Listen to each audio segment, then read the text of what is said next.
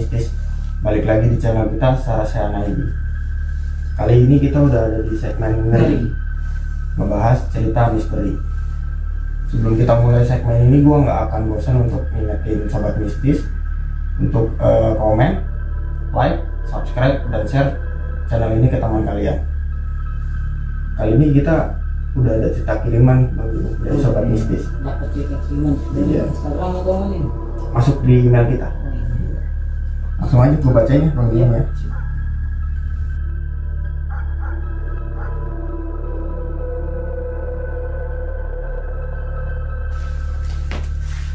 Halo Sarasayan ID Nama gue Koirul Gue pengen berbagi cerita horor Kejadiannya sekitar tahun 2015 Di saat gue selesai tugas akhir Gue dan teman-teman rumah gue buat satu agenda perjalanan ke Karimun Jawa Gue dan delapan teman gue berangkat menggunakan kereta Sebenarnya seperti sudah pertanda Teman gue ada yang hampir ketinggalan kereta dan satu lagi yang KTP-nya lupa bawa.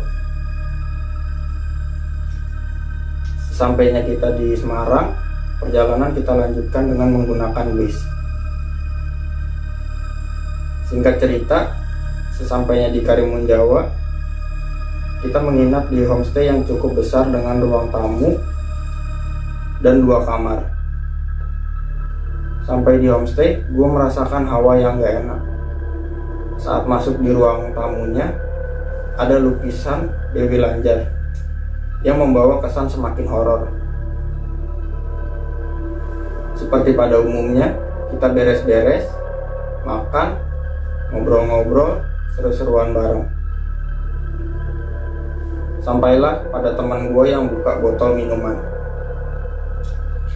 Dan selama kita minum, gue pribadi merasakan ada yang perhatiin gue dari arah lukisan itu. Agak aneh rasanya. Setelah minuman kita selesai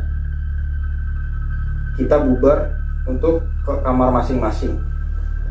Belum ada 30 menit setelah kita masuk kamar gue seperti ada yang ngetok gue pikir teman gue dari kamar sebelah pas gue buka pintu ternyata nggak ada siapa-siapa. Gue telepon teman gue yang ada di kamar tersebut dengan maksud menanyakan perihal tersebut. Ternyata mereka tidak ada yang keluar sama sekali. Otomatis hawanya berubah agak mencekam. Lagi setengah sadar gitu, kita dikasih yang horor-horor. Selesai sampai di situ, kita semua tidur. Singkat cerita, akhirnya kita pulang. Barulah di situ teman gue yang kebetulan bisa merasakan kehadiran makhluk goib itu cerita apa yang dialami di sana. Ternyata di saat kita sampai homestay, di ruang tamu yang ada lukisan Dewi Lanjarnya itu, ada sosok yang sama persis menyerupai lukisan tersebut. Temen gue nggak mau cerita langsung pada saat itu hanya berusaha menganggap itu hal biasa. Dan saat kejadian ketukan pintu itu, dia sudah tahu dan sengaja nggak buka atau lihat pintu. Soalnya sebelum ketukan pintu itu, teman gua ini pergi ke toilet. Dan di depan toilet dia melihat jelas sosok putih besar, tapi nggak kelihatan mukanya. Sosok putih itu ngikutin dia sampai depan pintu kamar. Karena teman gue udah terbiasa dengan hal-hal itu, ya dia jadi cuek aja. Itu aja sih ceritanya. Terima kasih Sarasayan ID udah bacain cerita gue. Sukses terus Sarasayan ID. Makasih juga buat Koirul yang udah ngirim ceritanya ke Sarasayan ID. Menarik nih Bang. Guru. Jadi tentang lukisan Dewi Lanjar itu ya. Gue cuma tahu dikit sih tentang mitos Dewi Lanjar itu. Tapi kalau kalau emang sobat mistis mau tahu lebih mungkin googling aja lah. Jadi pengetahuan gue si Dewi Lanjar itu kan dia ke pantai selatan. Bertemu sama ratu pantai selatan. Nah lalu dia dikasihlah daerah eh, kekuasaan di pantai utara mungkin lebih detailnya kalian bisa yang tadi gue bilang bisa googling aja lah langsung mungkin entah di Wikipedia atau apalah gitu kan nah terlepas dari mitos Dewi Lanjar tadi nih Bang Yu kira-kira ada ini nggak ya keterkaitan gitu antara lukisan Dewi Lanjar itu dengan gangguan-gangguan yang temannya alami seperti dia ngelihat sosok yang menyerupai depan lukisannya gitu dekat lukisannya. Atau dia ngelihat eh, seperti bayang putih yang ngikutin dia dari toilet tadi gitu atau yang Mas Koirulnya sendiri alami gitu kayak ngetok-ngetok pintu gitu kalau menurut lu gimana bang?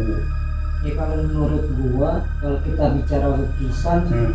suatu karya gitu ya, kalau seni entah itu lukisan patung keris atau golok atau bentuk macam apa pun itu Hmm. karya seni tergantung dari si pembuatnya.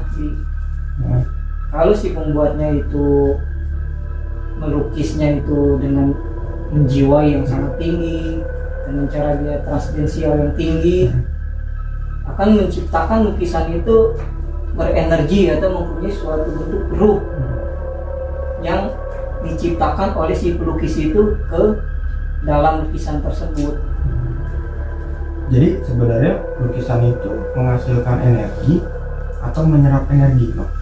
ya, jadi lukisan itu ya mengeluarkan energi Mm-mm. karena kembali ke awal lagi tadi si pembuatnya itu kan menciptakan lukisan itu dengan cara dia transdensial dengan cara dia kespiritan yang tinggi menciptakanlah energi di situ atau suatu ruh Hmm. yang ada di bentukan lukisan itu entah itu orang nanti yang melihatnya dengan rasa geter entah itu orang itu melihat lukisan itu diliatin atau dengan rasa ketakutan ya itulah si penciptaan dari si pembuatnya Berarti kalau kayak gua misalkan gua geter nih ngeliat eh, lukisan gitu. Ah, kok gua ngeliat lukisan ini kayak seperti diliatin atau resah. Berarti energi gua sendiri kalah gitu ya. ya bisa dibilang kayak gitu entah juga lo mungkin belum makan kali di Lapar dong. Kalau belum makan mah gua bukan yang geter loh. Lemes. nah, terus eh, menarik juga nih Pak kan kalau di video sebelumnya kan gua sempat bahas juga tuh. Kalau misalkan kok tumben yang video yang kemarin tuh ini pada ngelihat semua gitu tapi kalau yang ini si Koirul ini hanya temannya aja nah selebihnya hanya diganggu dari suara gitu hanya temannya aja yang bisa lihat tapi dia nggak mau cerita gitu ya bang. Jadi intinya si lukisan tersebut itu dia itu si pelukisnya itu nyerap energi. Nah terus dihasilkanlah di karyanya gitu. jadi karyanya lah yang menghasilkan energi. Iya mengeluarkan energi di tempat itu. Jadi itulah proses, proses sebuah karya yang bisa dibilang yang berisikan energi ya yang dijiwai lah Iya. sama si pelukisnya itu kan ya jadi contohnya kayak ini nih Hmm. di ini kan yang buat eh, ambu 18 Hmm. ya ini dia buat nggak salah-salah kayak gitu ini nih buat karakter-karakter ini ya ada energinya kayak Hmm. gitu menjiwai gitu menaruh bentuk ciptaannya dia dengan transdensial dia ke lukisan ini jadi eh, nggak nggak cepet gitu ya prosesnya yang nggak cepet nggak salah-salah juga lah. butuh makan berkali-kali ya biar nggak lemes. Tadi kayak gue ya. butuh makan sih butuh konsentrasi yang tinggi Ah. jiwa yang benar-benar kuat dan spiritannya dia ini. Tapi makan masa nggak butuh? Dia nggak makan rokoknya kuat. Ini gue terok sama kopi. Jadi mungkin itu aja ya kita bahas dari ceritanya Koirul tadi tentang lukisan terus energi yang dihasilkan dari si senimannya itu. Iya. Apa yang dia serap ya hasilkan ke karyanya. karyanya dan mengeluarkan bentuk energinya Hmm. itu ke tempat itu atau orang-orang yang sekelilingnya melihat lukisannya itu. Jadi nggak ada keterkaitannya sama sekali antara lukisan Dewi Lanjar itu dengan gangguan-gangguan yang dialami itu ya? Nggak ada itu nggak ada keterkaitan sama sekali antara lukisan dan energi yang ngetuk pintu atau apa di sana nggak ada. Karena beda energinya gitu ya. Iya. Sobat Mistis bisa kirim cerita horornya ke DM kita atau ke email. Nanti untuk Instagramnya atau emailnya ada di kolom deskripsi. Dan jangan lupa juga kita masih ada segmen seram seputar ranah mistis. Jadi untuk teman-teman yang mau konsultasi seputar ranah spiritual bisa juga gitu. Dan jangan lupa teman-teman untuk komen like subscribe dan share channel ini ke teman kalian. Yang penting tonton terus